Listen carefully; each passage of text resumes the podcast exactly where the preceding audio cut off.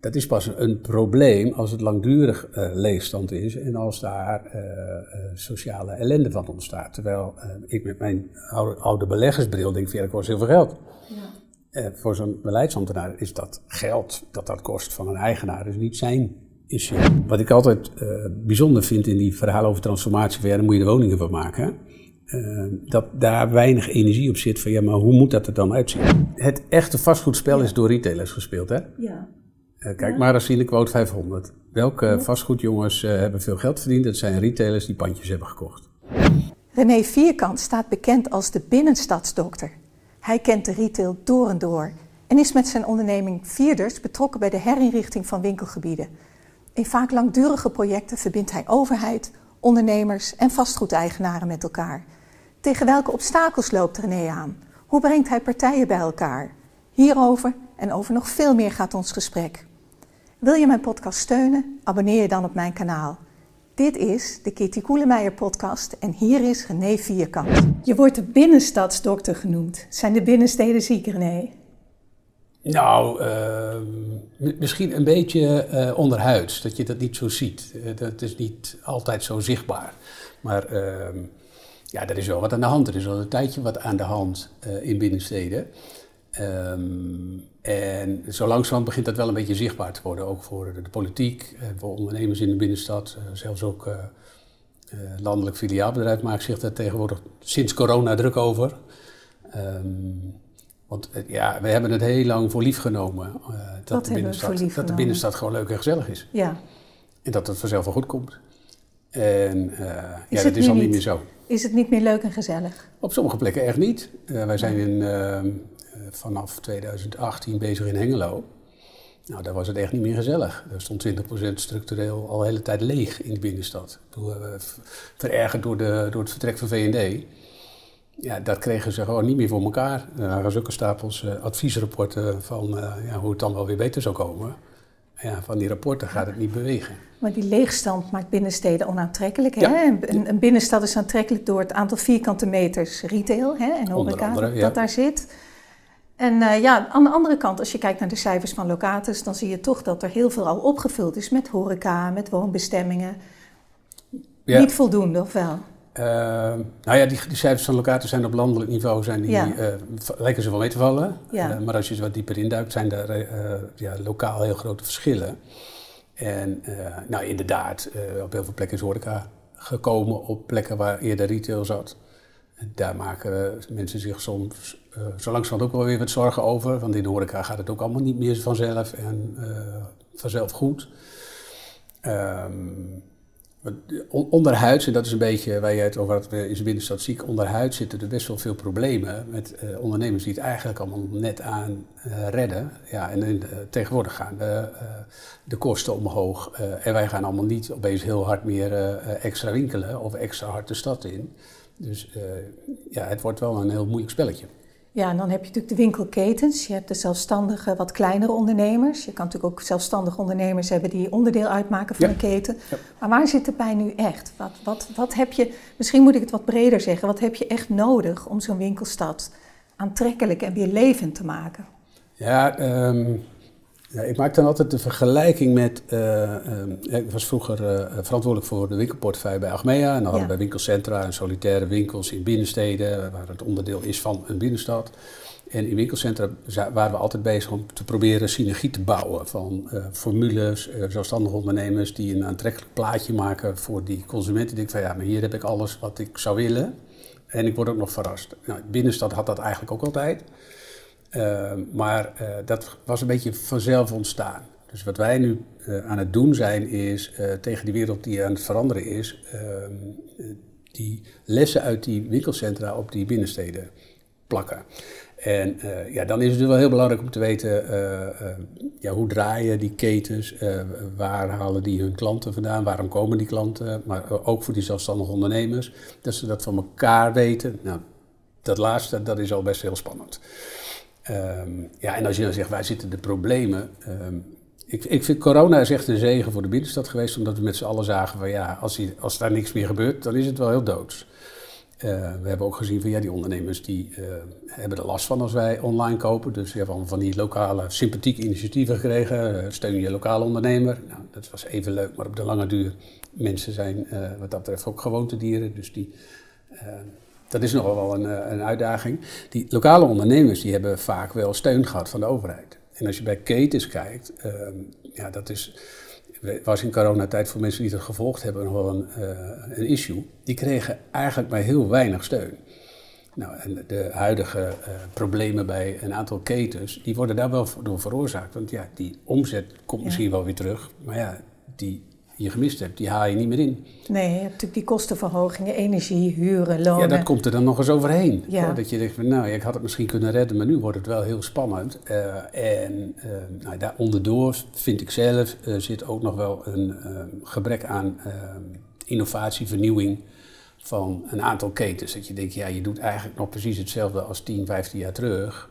Terwijl, nou, we hebben het er dagelijks over dat de wereld zwart verandert. Ja, en vanuit die hoek ook, je, je, winkel, je, je lessen van je winkelcentra, die zijn ook van jaren geleden. En die, die pas je dan toe op winkelgebieden. Kan dat nog wel? Moet je niet zeggen, die hele, ja, die retaillessen kloppen niet meer. Uh, nou ja, uh, ook daarin, uh, er zijn elementen die je kan gebruiken. En dat, het belangrijkste element is dat, je het, dat het zinnig is om je met het totaal te bemoeien dat is een les.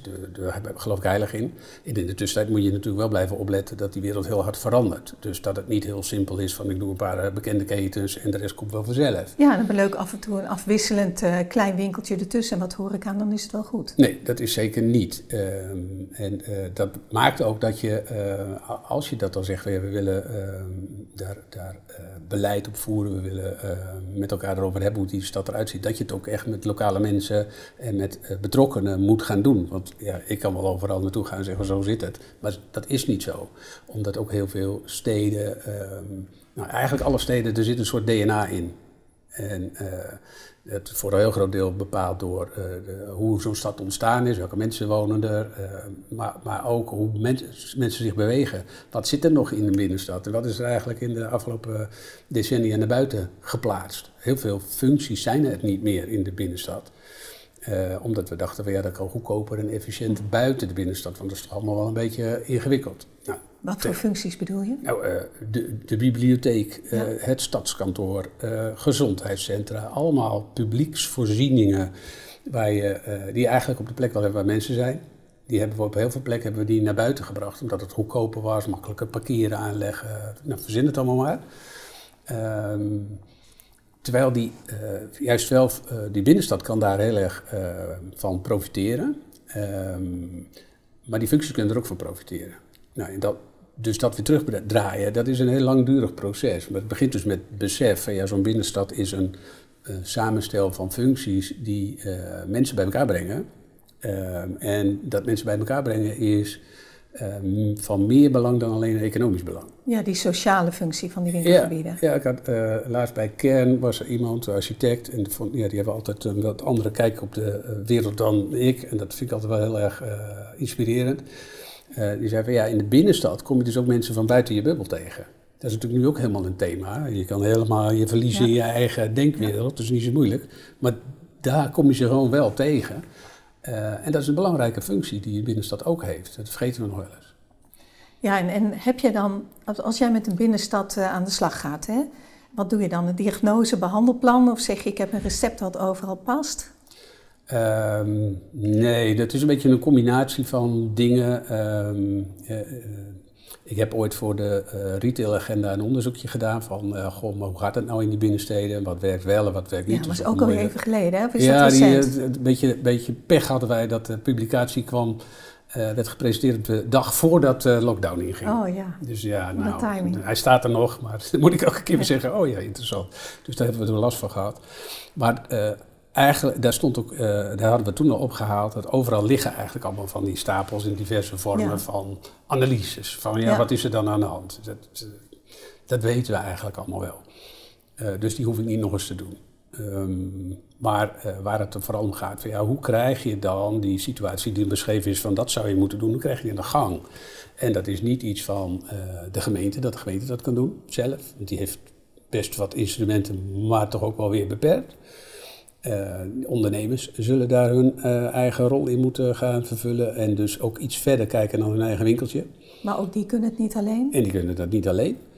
En de vastgoedeigenaren die uh, vastgoed in die stad hebben, die heb je ook nodig. Zeker als je gaat zeggen van, goh, sommige stukken wat in die rapporten staat, waar ik het ook wel mee eens ben, ja, daar zou je geen retail meer moeten hebben. Maar dan moet je transformeren naar andere functies. Ja, dat kan je opschrijven, maar het gaat pas gebeuren als zo'n eigenaar met zo'n pand aan de slag wil. En nou ja, dus dat organiseren van die samenwerking, uh, als je het dan hebt over uh, wat, doen wij, dat is wel een belangrijke bouwsteen van onze aanpak. Ik geloof er ook heel erg in dat dat iets structureels moet zijn. Dat het niet een chirurgische ingreep is van we gaan nu even met elkaar praten en dan weten we wat we moeten doen en ieder gaat weer zijn weg. Dat moet je structureel de lange termijn doen, want die wereld zoals we hadden komt nooit meer terug. Maar hoe krijg je dat voor elkaar? Want dat is natuurlijk iets waar, waar, ja, waar al meer dan 10, 20 jaar gewerkt wordt onderhand. Hè? Ja, nou ja, dat, dat, uh, er zijn allerlei uh, uh, overleggen voor georganiseerd. Ja. En dat is ook wat je vaak ziet. Dan gaan we aan tafel zitten, gaan we overleggen. Ja, vooral veel fijn, vergaderen. veel vergaderen, ja. Ja, daar blijft het dan ook vaak bij, hè? Ja, ja dat, is, wel, dat is best heel belangrijk. Je komt hobbels tegen. Want je moet elkaar taal leren spreken. Uh, dat, dat, heb ik ook moeten leren. Dat ik denk van ja, uh, een ambtenaar heeft het over leegstand als iets heel anders als dat ik het over leegstand oh. heb. Oh. Uh, bijvoorbeeld. Ja. Geef eens een voorbeeld, hoe anders? nou ja, ehm, dat is pas een probleem als het langdurig leegstand is en als daar sociale ellende van ontstaat. Terwijl ik met mijn oude, oude beleggersbril denk, ja, dat kost heel veel geld. Ja. Eh, voor zo'n beleidsambtenaar is dat geld dat dat kost van een eigenaar is niet zijn issue. Nou, dan zie je dat een vrij helder begrip als leegstand zit de hele wereld achter. Ja. Nou, zo zijn er heel veel dingen. En, uh, dus dat overleg is heel belangrijk om elkaar te, uh, te ontmoeten, om elkaar te leren uh, begrijpen. Dat vergt wel een bepaalde houding en gedrag. Um, dat, daar moet je altijd eerst even doorheen, dat iedereen aan tafel elkaar de waarheid gaat vertellen. Dat lukt wel? Uh, ja, dat lukt uiteindelijk wel. Dat is, dus het gaat niet vanzelf. Dus uh, er zijn nogal wat voorwaarden die je in moet vullen om tot echt samenwerken te komen. Want elkaar vertellen van, wat, als jij nou eens dat zou doen, dan heb ik geen probleem meer. Ja, uh, dat is fijn, dat is leuk voor jezelf, maar daar ja. komt, komt, het niet dichterbij. Nee. Dus het gaat ook over, wat heb jij dan nodig om die beweging te maken?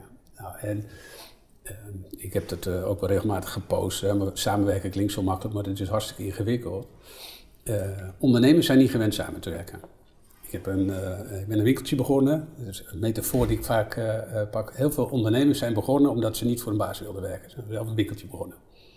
Dus ik doe gewoon wat ik wil. En ik heb misschien een passie voor een product, dat doe ik. En ik huur een pandje, vind ik al vervelend dat ik dat moet doen, maar dan heb ik een pandje en dat is dan van mij. samenwerken met ondernemers in de straat, dat, ja, dat heeft nog wel een heel laag samenwerkingsniveau. Dat gaat dan over, uh, goh, zijn we allemaal op dezelfde tijd open? Nou, loop maar eens door een binnenstad op een koopavond. Dat is niet meer vanzelfsprekend. Uh, bijdragen aan de winkeliersvereniging, nou ja, dat is dan meestal een soort verplichting. Oké, okay, dat noemen we dan. Maar echt samenwerken, van goh, hoe gaat het nou bij jou? En uh, die klanten die bij mij komen, komen nu ook bij jou. Dat gesprek, dat moet je organiseren, maar dat gebeurt niet vanzelf. Nou, dat is alleen maar bij ondernemers. Ja. Vastgoedeigenaren komen uit de wereld. Nou, dat, uh, samenwerken, uh, ja, dat is eigenlijk helemaal niet in het DNA van een vastgoedondernemer. Die wil eigenlijk gewoon zo, zo, goed mogelijk voor een eigen pandje zorgen. Dus als hij die huurder eh, naar binnen kan trekken en niet bij de buurman, dan zal hij alles ja. aan doen om dat voor elkaar te krijgen. Dus als je dan zegt, ja, jullie moeten gaan samenwerken, dan zitten ze eerst glazig aan te kijken, ja, hoezo dan? Nou ja, en dan nog eens met de overheid, de gemeente. Ik als vastgoedbelegger had eigenlijk helemaal niks met die gemeente te maken als retail vastgoedbelegger. Uh, want wij verhuurden casco-ruimtes en die uh, ondernemer moest zijn vergunning regelen, stond in het contract. En hij moest nu betalen. En dat onderhoud, dat deden wij dan in zoveel tijd. Maar... Ja, en de ondernemer richt het in. En, ja. ja dus met, die, ja. met de gemeente had ik eigenlijk niks te doen. Nee. Uh, nou ja, als je dat allemaal in, bij elkaar gooit en zegt, jullie moeten met elkaar gaan samenwerken, dan zeg je nogal wat. Ja. en dat besef, dat dat dus gewoon hard werken is en dat dat niet van een paar vergaderingen afhankelijk is, maar dat je daar aan moet werken en bouwen aan vertrouwen. Uh, en dat het een langdurig proces is. ehm, ja, daar moet ik nog wel eens energie in zetten, zeg maar, om dat, dat te laten begrijpen door mensen. Lukt het uiteindelijk wel? Ja, dat lukt uiteindelijk ja, dan heb je, heb je hele mooie voorbeelden waar dat gelukt is. Ja, nou, en dat is inderdaad ausdauer wat je nodig hebt. Ehm, maar je hebt ook mensen aan tafel nodig die dat willen snappen en daar ook hun best voor willen doen. Dus voor het grotere ge geheel, voor het algemeen belang, zeg maar, in plaats van voor hun eigen belang. Nou, dan moet je de urgentie voelen hè, voordat je dat doet. Ja, maar niet alleen de urgentie van jouw eigen belang. Ja maar ook de urgentie van uh, uh, nou, het belang van de stad waar je er onderdeel van uitmaakt. En nou ja, dat wil soms nog wel eens zeggen dat je uh, in die samenwerking ook op, naar, naar, andere mensen op zoek moet. Leg eens uit. Nou, die ehm, niet. kijk, je, je begint zo'n samenwerking vaak met een ondernemersvereniging en het bestuur van de ondernemersvereniging. Met een vastgoedclubje die ontstaan is met wat mensen die daar het bestuur van vormen. En ja, de mensen van de gemeente, die hebben dan daar een baan in gekozen. Ehm, die, de motivatie om in zo'n vereniging te gaan zitten is niet altijd precies dezelfde motivatie als, wat je nodig hebt om aan die samenwerking te blijven werken. Daar zit bijvoorbeeld, hebben we gezien, mensen die heel goed zijn in de belangenbehartiging van de ondernemers. Ehm, in coronatijd daar ook echt heel veel dingen hebben gedaan om te zorgen dat die ondernemers werden gesteund. Maar dat is wel heel erg van, jij moet nu voor mijn belang iets doen, beste gemeente. Um, en dat is iets anders als zeggen van oké, nou hebben we dat gedaan en nu moeten we structureel gaan bouwen aan. Dat betekent dat het ook niet altijd leuk voor mijn ondernemers is. Uh, dat het niet ook altijd leuk is voor die. Dus dat je, dat je gaat kijken hoe kan je nou de verbinding maken. Nou, dat vergt misschien ook andere competenties. Ja.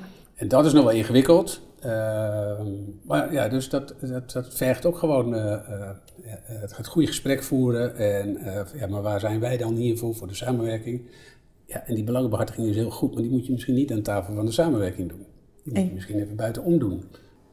Kun je een voorbeeld noemen van die samenwerking waar je dat opgetuigd hebt, waar het goed gaat? Ja, um, nou, we zijn anderhalf jaar geleden in Venlo begonnen.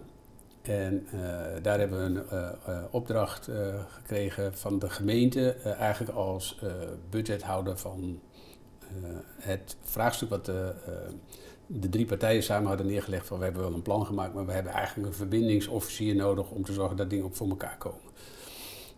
Ze, ze, hadden bijvoorbeeld in dat rapport een mooi tabel staan met allerlei 19 actiepunten en daar eh, met een kolommetje van dit moet de gemeente doen, dit moet eh, eh, de ondernemer doen, dit moeten de eigenaren doen en dit moeten we samen doen. Nou, allemaal hartstikke leuk. En toen wij kwamen zagen we van ja, dat ligt daar en ga jij dat dan maar regelen. Ja, dus niemand was nog echt met zijn eigen puntje bezig, want dan zaten ze op de verbindingsofficier te wachten. Behalve de gemeente, want die was wel een aantal projecten aan het doen, zoals het project actualiseren retail- en horecabeleid. Dat is een vrij normaal gemeentelijk proces, dus dat was wel gestart. Daar hebben wij onze bijdrage nog aan geleverd. Um, nou, wat we gedaan hebben is dat, dat, dat, tabelletje eigenlijk omvormen in een werkplan. Um, maar we zijn vooral eerst aan die organisatie gaan bouwen. En nou, dat, ik, ik, zal je niet vermoeien met alle details, maar uh, de ondernemers hadden als issue van, goh, wij betalen reclamebelasting, maar wij hebben eigenlijk geen zeggenschap over het geld. Eh, bleken een stichting te zijn. Wat, iedereen had het over de ondernemersvereniging, maar het was gewoon een stichting. Daar mocht je wel lid van worden, maar dat hoefde niet. Maar je moest wel betalen. Dus we dachten, ja, nou, dan kan je beter maar gewoon een vereniging maken met leden. Uh, en uh, vastgoedmensen wilden misschien wel een BIS, een bedrijfsinvesteringszone, waarin ze zeggen van, goh, daar willen we dan, maar dan moet ook iedereen bijdragen. Nou, daar moet je een plan voor maken, uh, daar moet je verkiezingen voor organiseren. Dat zijn we ook aan het organiseren. Uh, die ondernemersvereniging uh, krijgt ook een nieuw, heeft een nieuw bestuur gekregen. Nou, dat is ook niet overnight. maar dat is dus heel erg het proces. En gaandeweg hebben wij steeds overleg. En dat overleg is elke keer best spannend, omdat er kan maar net weer iets gebeurd zijn. Wat mm -hmm. we het net over had, dat iemand dan weer in zijn belangenbehartigersrol schiet. En ja. zegt van, ja beste gemeente, dit is allemaal niet goed gegaan enzovoort. Dus dat proberen we dan uh, te leiden. Maar dat is de, de procesmatige... Dan ben je anderhalf, twee jaar bezig en heb je alleen nog het proces een beetje geordend en een, een, organisatie opgebouwd, hè, structuur gezet. En dan hoop je dat iedereen nog enthousiast is en meedoet. En dan begint het echte werk, want dan, dan, dan heb je nog geen enkele overeenstemming over wat er dan moet gebeuren. Nee, dat plan hebben ze dan echt anderhalf jaar over gedaan in coronatijd en heel veel geld aan besteed. Dus dat, daar zit ook compromisgehalte in, zeg maar. Dus merk je maar dat blijft, dat, dat blijft steun krijgen na twee jaar? Ja, ja, ja, oh, maar er komt ook ongeduld. Van, ja. dat hebben we dat plan en jullie zijn met die organisatie bezig, wanneer gaan we nou eens aan de slag?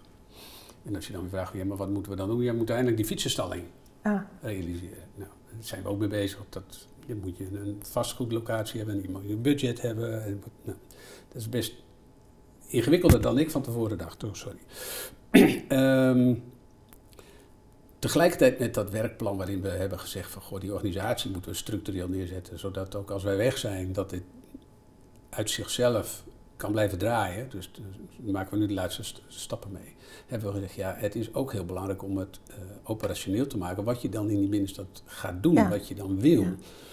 En uh, nou ja, wat, wat ik altijd als uh, probleem vind van die overal visie, zo zou het eruit moeten zien, is dat dat heel weinig praktisch en concreet is voor een ondernemer in de straat, waar, uh, waar wel iets over gezegd wordt. Wat moet jij er dan mee doen? En wat voor een vastgoedeigenaar in de straat, wat moet jij dan nu doen uh, met je pand? Dus wat wij uh, inzetten, noemen wij gebiedsprofielen.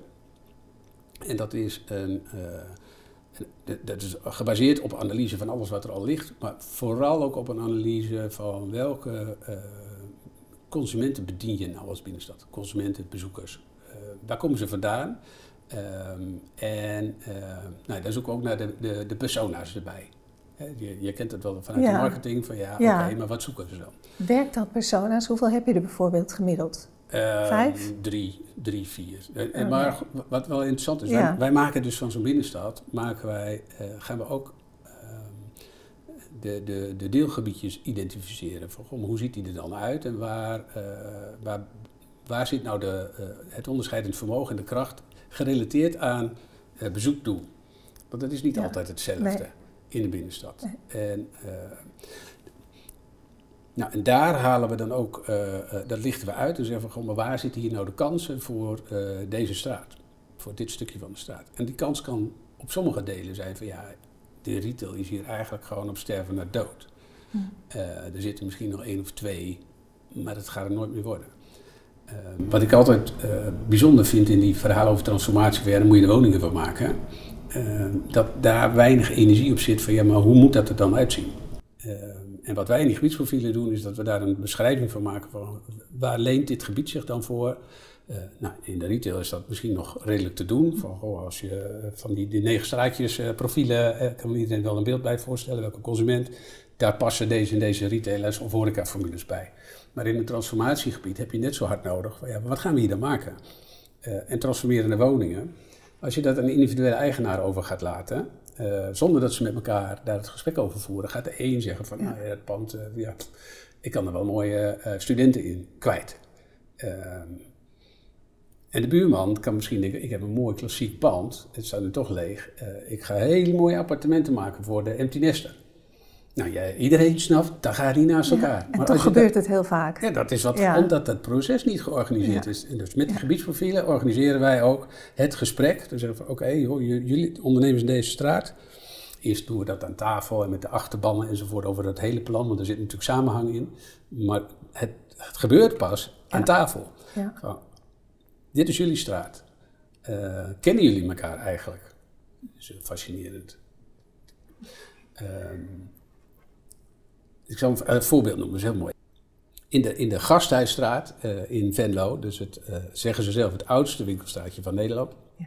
Nou, dat, dat zal. Uh, het, het, in oorsprong zitten heel veel mooie historische pandjes, geveltjes, echt geweldig. En in de afgelopen decennia is er hier en daar, is, daar, nou, is het er niet mooier op geworden, laat maar zeggen. Uh, dus uh, gemeentelijk beleid is ook om te zorgen dat dat beter wordt. Nou, we hadden die eigenaren allemaal aan tafel, uh, want die waren, de een na de ander was eigenlijk al wel bezig met maken van bovenwoningen, van die ruimtes die inmiddels leeg stonden. wat heel mooi is dat van de acht eigenaren die aan tafel hadden, zaten er vijf, die waren daar geboren. Dus die komen voort uit uh, ondernemersfamilies die daar zelf een winkel hadden gehad. Nou, sommigen hadden nog een winkel, anderen hadden alleen nog maar het vastgoed uh, of georven van de ouders. Dus die zaten aan tafel. Ja, ik heb En ik heb ook wel wat met Venlo en met die straat en ik wil wel wat. Ehm, nou, we hadden daar een profiel neergelegd uh, waar je, het, is niet de hoofdwinkelstraat, dus het is meer een beetje uh, dwaalmilieu. Dus daar zit een, een schoenenzaak, er zit ook een goudsmit en er zit een horecazaakje. Nou, wat kan je daar dan uithalen? welke type consument kan je dan bedienen um, en wat hoort er dan bij? En wat heel mooi is, is aan tafel dat um, een van die eigenaren zegt van, goh, ja, ik vind het hartstikke interessant. Wij hadden een pand leeg. En uh, ja, nou, ik ben ook helemaal voor deze benadering, want wij hadden laatst een, uh, een kandidaat, uh, kinderschoenen. die wilde bij mij winkel huren, maar dat heb ik niet gedaan, maar dat kan ik niet maken naar jou. Dat zegt hij tegen zijn buurman, die een schoenenzaak heeft. Zegt die buurman aan tafel, dat vind ik nou jammer, want dat had ik heel fijn gevonden. Mm -hmm. Ze kennen elkaar van oudsher, ja. ze wonen daar. Maar dit gesprek hebben ze dus nog nooit met elkaar gevoerd. Terwijl het daar wel om gaat van, hé, hey, maar waarom ja. vind jij dat dan ja. Niet kunnen? En waarom vind jij dat dan uh, juist heel fijn als er een andere schoenenzaak bij komt? Nou, als je een beetje in de retail uh, ja. bent geboren, dan weet je dat het zo werkt. Maar ik vind het fascinerend dat je dat organiseert. Nou, en het einde van, het ge, van die, die, we zijn er nog steeds mee bezig, maar wat er echt ontstaat is, ze zeggen, ja, maar wij moeten nu collectief aan de slag. Dus zij hebben zelf gezegd, en dat vind ik voor vastgoedeigenaren best bijzonder. Van, laten we nou een plannetje maken dat we allemaal op dezelfde manier reclame gaan voeren. Uh, dat we uh, met elkaar richting uh, erfgoed een gesprek gaan organiseren. Dat hebben wij dus georganiseerd, die ambtenaar aan tafel gezet. Want wij lopen elke keer vast op de commissie die zegt van ja, het is nog niet helemaal wat ik wil. Eind van het liedje is dat die vastgoedeigenaar zegt, ik ben er helemaal klaar mee, ik doe niks meer. Mm -hmm. En dat aan tafel brengen, daar zit de magie in. Maar dat is dus ook uh, aan tafel met, met die besturen ja. interessant. Ja. Maar met die ondernemers. En dat, dat er dus ook daadwerkelijk iets gebeurt. En wat ze nodig hebben om daadwerkelijk te gaan investeren. Want ze willen wel. Uh, maar ze worden vaak gehinderd. En de hindernis is vaak dat je elkaar niet begrijpt. Als je over die winkelgebieden spreekt, ja. hè, dan hoor je als in de media, deskundig, ik word er ook wel eens naar gevraagd, altijd termen als inspiratie, beleving, storytelling. En ja, ik probeer die, die, die woorden zo min mogelijk te gebruiken, want wat je zoekt is een concreet voorbeeld. Wat is dat dan? Hè? Hoe, hoe doe je dat dan? Uh, gaan mensen er vaker door naar die winkelstraat toe? Gaan ze meer kopen? Wordt de loyaliteit groter? Of, of werkt het hè, natuurlijk via alle kanalen beter? Het, het, is niet alleen maar een leuk verhaal bedenken over waar, nee, waar zo'n winkelstraat moet, uh, voor staat. Ik bedoel, wat, wat is dat voor jou, inspiratie en beleving? Wat kun je daarmee? Ja, ik vind het ook wel mooi om uh, uh, dan uh, vanuit je, zonder dat, dat mijn blik daar nu maatgevend is, absoluut niet, maar ook naar die, gewoon je probeert te verplaatsen in die klant die daar in die straat komt. En hoe wordt die nu bejegend? en hoe krijg je het nou zover, zover dat die klant een beleving heeft? En wat is dat ja. dan? Nou, ik, ik ja. heb al vaker gezegd van, goh, als je op vakantie bent, dan koop je allemaal dingen als je thuis bent. denk je, ja, nou ja, oké, okay, die had ik thuis niet gekocht. Maar waarom heb je ze dan gekocht? Nou, omdat je in een bepaalde sfeer zit. Uh, dat is vind ik ook de magie van retail. Dat kan je uh, op heel veel manieren kan je dat organiseren. Maar het begint wel met uh, ja, echt uh, betrokkenheid. betrokkenheid bij jouw winkel, bij je product, bij jouw straat. En als dat echt is, dan ga je dat als klant merken en voelen. Ga maar na waar je bent geweest dat je denkt van ja, maar dit vond ik gaaf. Uh, wat is dat dan vaak? Dat is dat je echt als klant ook wordt uh, gezien en dat je uh, voelt van hé, hey, maar dit is voor mij en dit is een unieke service die ik heb gekregen. Of die man die verdiept zich echt in wat ik nou nodig heb. Ja, je moet het ook prettig vinden om erheen te gaan en er te ja, zijn. Ja. En dan, dan komt de rest. Ja, dus die, die, die, de customer journey die komt uit ja. op heel veel plekken. Dus dat moet allemaal kloppen. En dat, nou, daar, daar kom ik weer terug bij mijn eerste punt. Dat moet je dus met elkaar gaan organiseren, want dat ja. is niet vanzelf goed. Er zitten ongelooflijk veel hobbels op de weg en dat is heel ingewikkeld om het te gaan regelen. Maar je moet er wel aan blijven werken. Ja, en dan werk je met persona's, hè? maar ja. winkelgebieden hebben ook steeds meer toegang tot, uh, ja, tot, tot digitale informatie. Hè? Dus je wordt ook steeds meer als consument persoonlijk uh, getarget. Staat dat niet op gespannen voet met persona's, wat toch een hele grove segmentatie is? Nou ja, ik denk dat dat valt wel mee. Um, en wat je zegt, je wordt veel meer getarget dat vraag ik Nou, mij nog wel af. Er wordt toch al- steeds meer individuele informatie van je verzameld? Ja, dat wel, dat wel. eh, dat wel. Maar of je, of er nou, eh, of je zo wordt getarget door winkelgebieden van, goh, kom hier, want dat is leuk Door voor jou. winkels misschien, door individuele winkels. Ja, die winkels doen dat eigenlijk Ja. allemaal een beetje eh, toch nog vanuit de, het oude Hm. idee van ik heb een winkel en ik heb iets fantastisch voor jou. Eh, en als je een formule hebt, hebben ze dat, eh, kan je het op tv zien, waarom je bij Ja. Van Haren moet kopen. Maar Ja. waarom je in die straat nou zit, op die plek waar je zit, ik heb met Krijn Bons wel eens een heel interessant gesprek over gehad. Eh, ja, dat, als je dat weer even afspeelt, waarom zit je daar? Ja, ik had op mijn whitelist staan dat ik in Venlo een pand moest hebben. En wij hadden bedacht dat onze formule op eh, 400 meter zou moeten. Dus je hebt een makelaar gebeld, heb je een pandje van 400 meter in Venlo? Nou, nu niet, maar volgende maand wel. Zo bouw je je winkelnetwerk op, maar werkt dat nog? Is Nee, dat nu goed genoeg? dus, dat is niet meer goed Nee. genoeg. Eh, dus eh, dat was ook het gesprek met, met zo iemand als Krijn en ook met collega's. Ja, het heeft dus zin om je bezig te gaan houden met van... Ja, maar wie zet er dan naast mij? En, eh, dus dan kom je met die gebiedsprofielen. Ja. Dat ga je bouwen. En dat is een lange termijn traject. Want je kan niet vandaag iedereen eruit en eh, het ideaalplaatje neerleggen Nee. als je dat al zou willen. Dus dan moet je langzaamaan bouwen. En dat, eh, in de binnenstad heb je daar dus ook eh, die vastgoedeigenaren bij nodig. Die niet gaan voor, goh, ik heb nu geen huurder en als een makelaar komt dan heb ik een huurder en ben ik klaar. Maar die ook zich realiseren van, ik moet misschien even iets meer mijn best doen om te zorgen dat ik iets krijg wat de waarde van de straat helpt verbeteren. Eh, en dus uiteindelijk ook mijn eigen waarde. De, nou ja, dat begint dus allemaal met dat gesprek. Ehm, en, en als je het dan hebt over eh, eh, marketing naar klanten toe, ja, daar is natuurlijk ook nog een hele wereld in Ja. te winnen. Als je, Ja. Juist als je kijkt naar die, wat die formules doen, als je dat plakt op wat je in een binnenstad zou kunnen doen met elkaar, veel gerichter naar die doelgroep. En ja, dat mag je, wat mij betreft, mag dat echt ook wel individueel. Dat hoeft niet eens altijd. Ehm, want eh, dat is het leuke van persona's. Hè. Iedereen is individueel en eh, uniek. Maar je kan er toch gewoon een grootste gemene deler uithalen die, die in die persona zit. En daar kan je je marketing wel op richten. Ja, je zit natuurlijk ook met wetgeving. Hè? Je mag niet zomaar eh, alles peilen en scannen. Nee. Maar retail was altijd al een vastgoedspel. Ja. Als je nu kijkt naar, naar ehm, wat bijvoorbeeld in de media was pas geleden, een van de directeuren van Big Bazaar, die zei op LinkedIn, alleen verhuurders profiteren van retail vastgoed en eigenlijk is er voor anderen nauwelijks meer wat te verdienen. Want het was natuurlijk een vastgoedspel. Het, het, was een hele mooie manier om, ja, om die locatie eh, Ja, de- goed de- uit te de- nutten, maar nu, nu is de wereld anders. Het echte vastgoedspel Ja. is door retailers gespeeld. Hè? Ja, Eh, kijk Ja. maar als Quote 500. Welke Klopt. vastgoedjongens eh, hebben veel geld verdiend? Dat zijn retailers die pandjes hebben gekocht. Van, ik, heb, eh, ik koop een pandje, ga ik zelf in zitten en dan maak ik daar eh, omzet en winst. En vervolgens ga ik dat pandje voor heel veel geld verkopen. Ja, maar ook internationaal. Hè. Denk bijvoorbeeld aan eh Saks Fifth Avenue, die hun flagship store voor meer verkopen dan wat het bedrijf ooit waard is geweest. Ja, dus, Ja. dus eh, ehm, en dan, dan tuurlijk, die, die, die locatie is eh, van oudsher heel belangrijk voor retail. Ja. Want op die plek kan jij je spullen aan je eh, consument kwijt. En dat is allemaal aan het veranderen. Want je kan, hè, zoals bij dat Retail Trends Congres, ik weet niet meer, eh, die Canadees die dat eh, vertelde van ja, je kan je spullen anywhere. Maar dat weten we al. Hè. Weet wel het, het is zo dat we, dat Dus we dat via alle belangrijk. kanalen. Maar de, locatie is nog steeds belangrijk, maar Ja. ook, je hebt ook de digitale locatie. Ja. Ja.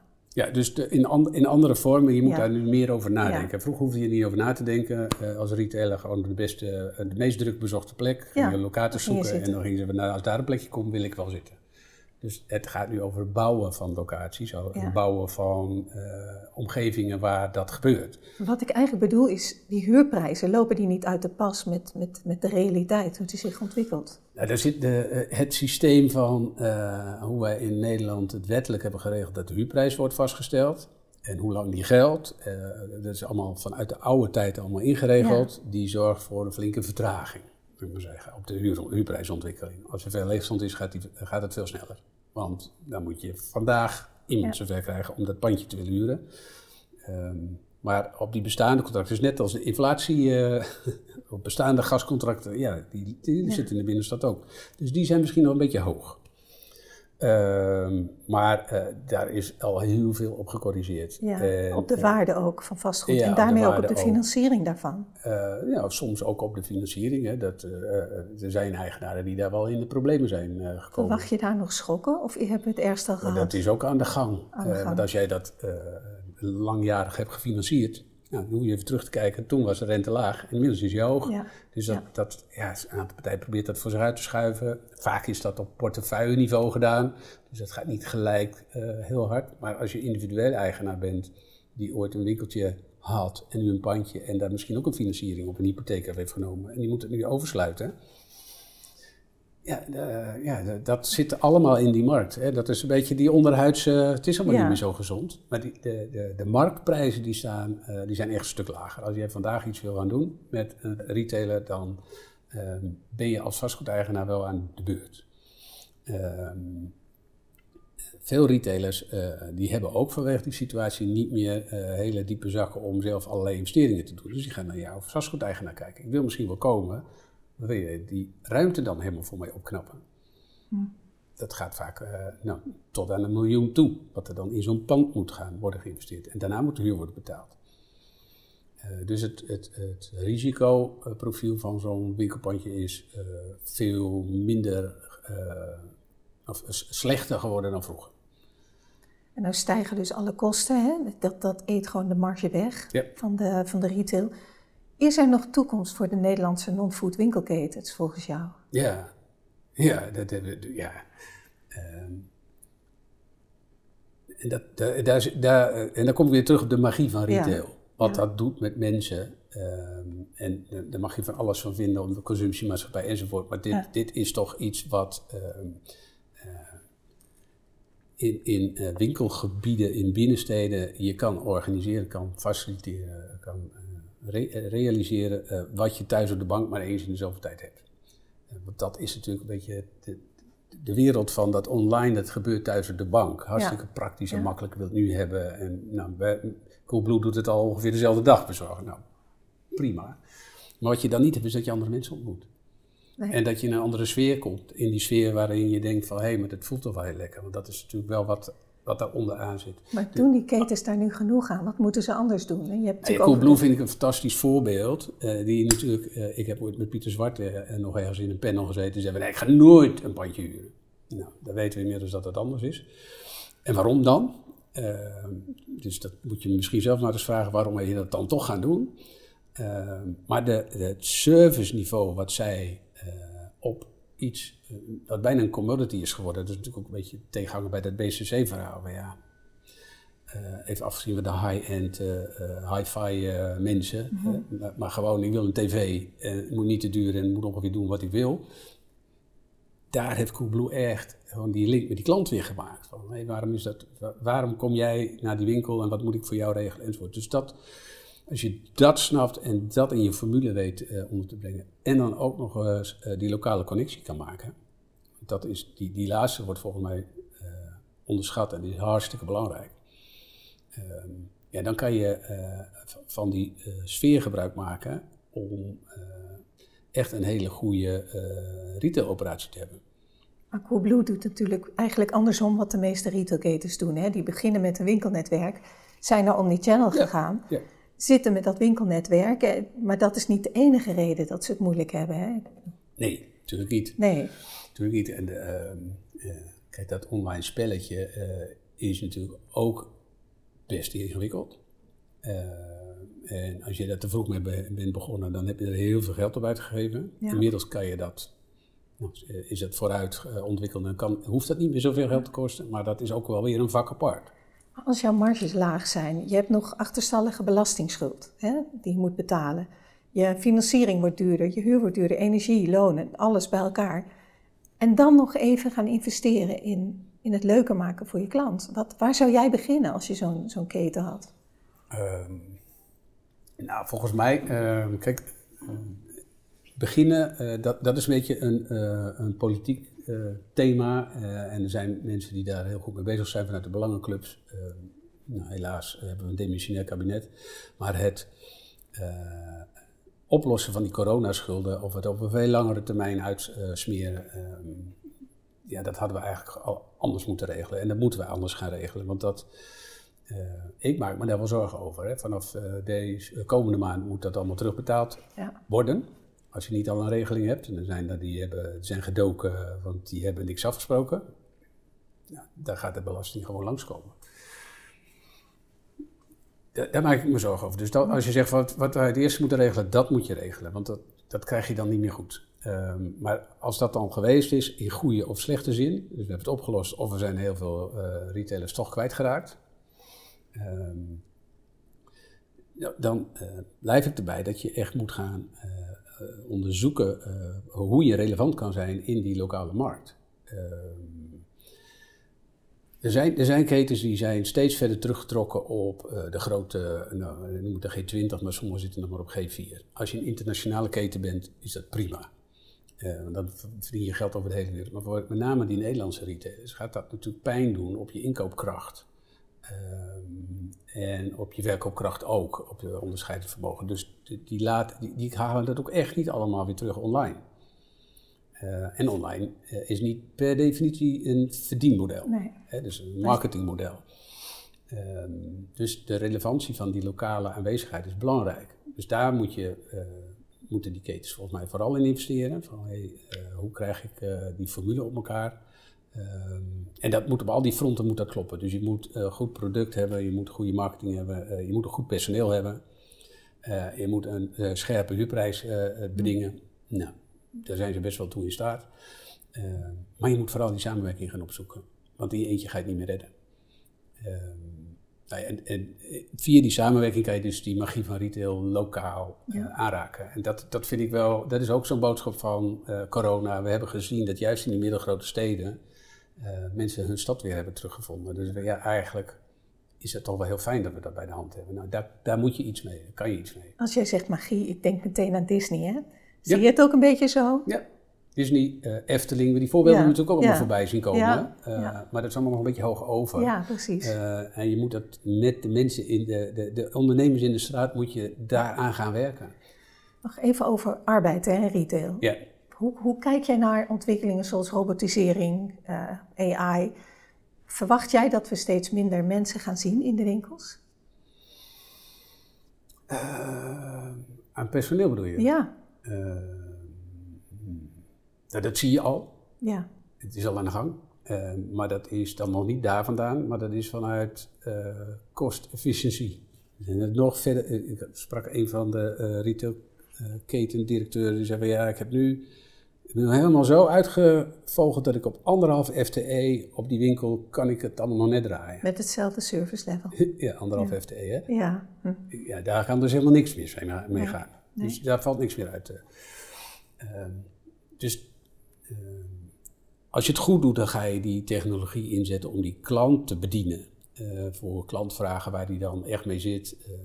En dat je misschien niet meer altijd met een mens kan organiseren. Maar dat proces moet je wel zo organiseren dat die mens niet veroordeeld wordt van daar is het scherm, zoek het even lekker zelf uit. Wat je soms nu wel ziet in de winkel. Hebben ze een mooi scherm. Ja, uh, uit de categorie als het niet uh, is, dan hebben we het niet. Ga maar naar het scherm.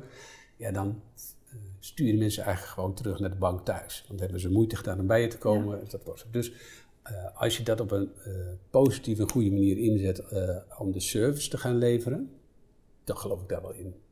maar ik ben er ook heel erg van overtuigd dat wij af moeten van dat model van steeds goedkoper personeel. Dat dat matcht namelijk niet met die beleving die je beoogt te vertellen. Personeel wat niks weet, want die zit op school en die doen wat ze doen, maar die weten eigenlijk niet wat ze verkopen. Daar kan je die verbinding en die beleving niet mee maken. Ik heb een vraag van Linda Vermeulen van de FNV. Ja. En die zegt: Is er in de winkelstraat nog wel carrière te maken voor winkelmedewerkers? Of zet de trend, door richting minimumloon en dat is het dan?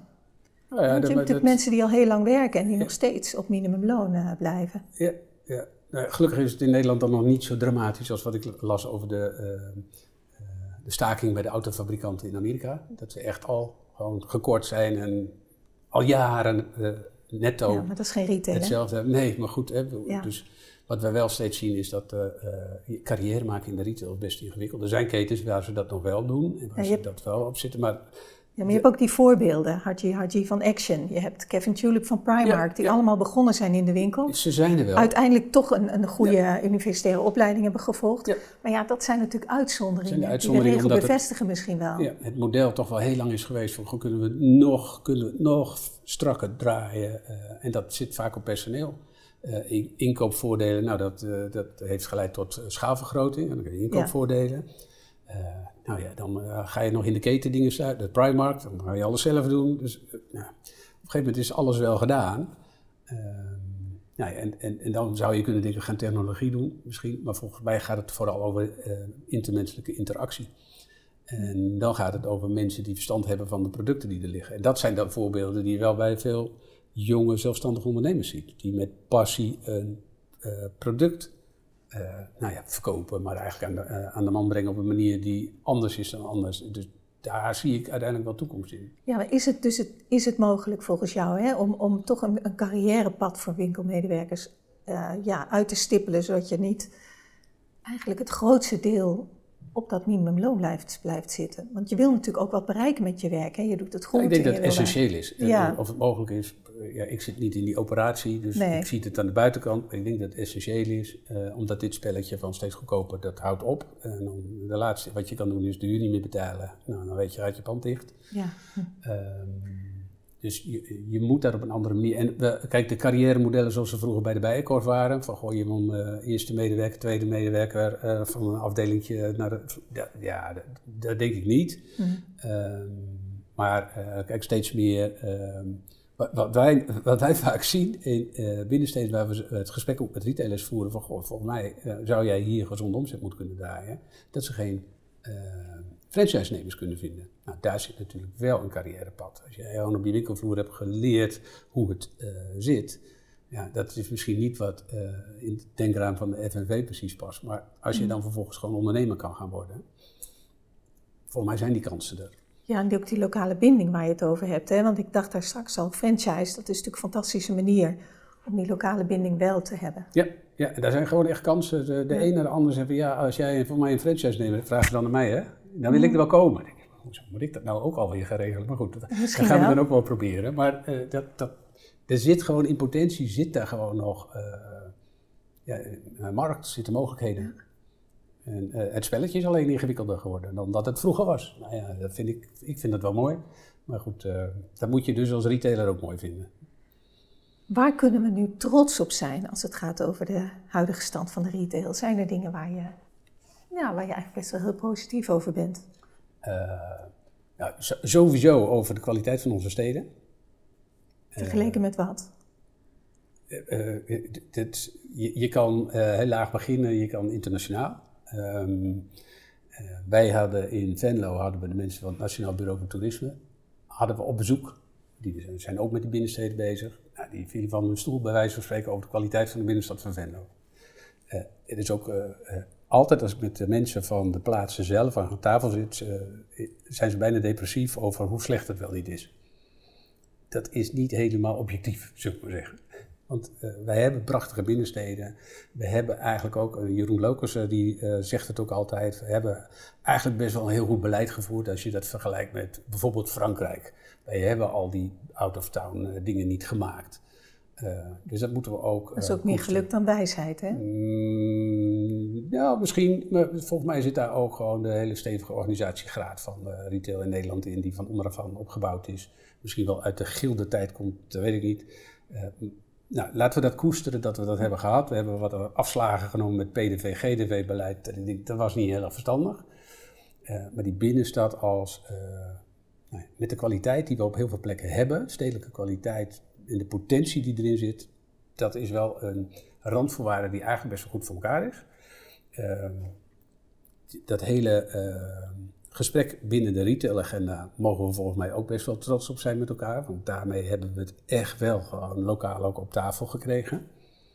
Uh, nou ja, en, en ehm, ook die eh, filiaalbedrijven zijn aan boord inmiddels. Uh, op de CEO-niveau uh, is daar echt serieus aandacht voor. Hè? Dat is wat, wat Jan Meerman en zijn club goed hebben geregeld. Van, ja, ze hebben nu ook die binnensteden, een beetje noodgeboren vanuit corona, hebben ze die CEO's ook aan tafel gekregen. Van ja, wat kan jij nou doen om te zorgen dat het daar beter gaat? Dus we zijn best al heel ver, ehm, maar er is ook nog wel veel te doen. En kijk, ehm, als je het hebt over waar wij trots op zijn, juist die nieuwe retailformules, maar ook oude die zich hebben hervonden, die daar toch gewoon een, een heel mooi um, feestje van maken. van een voorbeeld? Nou ja, ik noemde net al Coolblue. Uh, je hebt die... Uh, dat vind ik geen oude retailformule. Nee, nee, een nieuwe retailformule. Uh, ja. En hoe heet ze? van My Jewelry.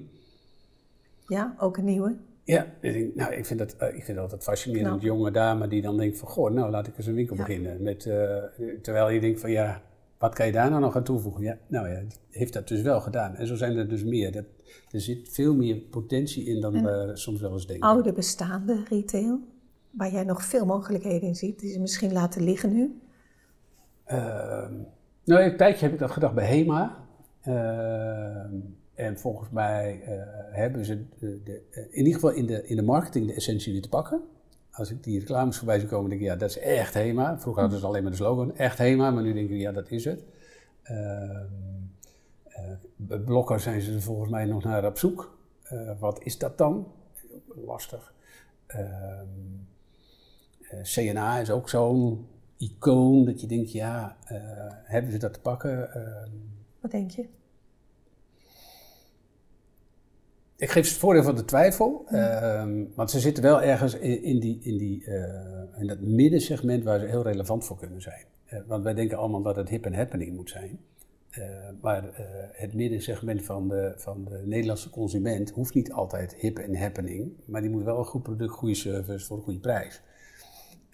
we horen natuurlijk altijd het midden, dat is niet de plek waar je moet zitten, maar jij zegt eigenlijk dat dat, dat kan een hele goede plek zijn. Dat is wel de grootste hoeveelheid. Ja. Uh, en dan moet je niet zitten, nou je moet daar dus juist wel zitten, maar je wil er vaak niet mee geassocieerd worden, want daar, daar zit zo'n associatie bij van uh, duf en uh, ja. daar heeft CNA natuurlijk last van. En volgens mij hoeft dat niet. Um, en dat, ja, daar zit de uitdaging. Hoe krijg je dat nou voor elkaar? dat het niet duf is, maar dat je wel die hele middenmassa aan je weet te binden. En als je nou één ding zou mogen veranderen, hè, wat, wat zou dat zijn? Uh, Als je die invloed had. Vanuit dit hele gesprek? Ja, ja of in de winkelstraten. Of nou, één, uh, veranderen. Eén ding die essentieel is, dat we ons moeten realiseren dat het niet vanzelf goed gaat en dat dat serieus, dat, dat zo'n binnenstad van veel meer waarde is dan de economische waarde. En dat, dat je daarin moet, structureel moet investeren als gemeenschap, stad, maar. Net zoals we het belangrijk vinden dat er een theater is en een cultuursector, waar sommige mensen ook nog van vinden dat het niet hoeft. Uh, het is een voorziening die we op peil moeten houden met elkaar en dat gaat niet vanzelf. Dus dat kost gewoon geld. Um, en daar maak ik me wel eens wat zorgen en over. Hoeveel geld kost dat? Waar denk je aan? Uh, nou ja, Als je het um, over Venlo hebt of een, of een andere willekeurige plaats. Um, in Venlo uh, en op andere plekken hebben ze inmiddels wel door dat ze daar een centrummanager moeten hebben. Nou, dat kost een ton, anderhalf per jaar. Maar die heb je op heel veel plekken toch al? Die heb je al wel. Ja. Maar die moet zoveel dingen operationeel regelen, uh, dat die niet toekomt aan de strategische kant. Dus je hebt die strategische kant ook nodig. Dus doe nog maar een keer zoveel. Begin daar maar eens mee.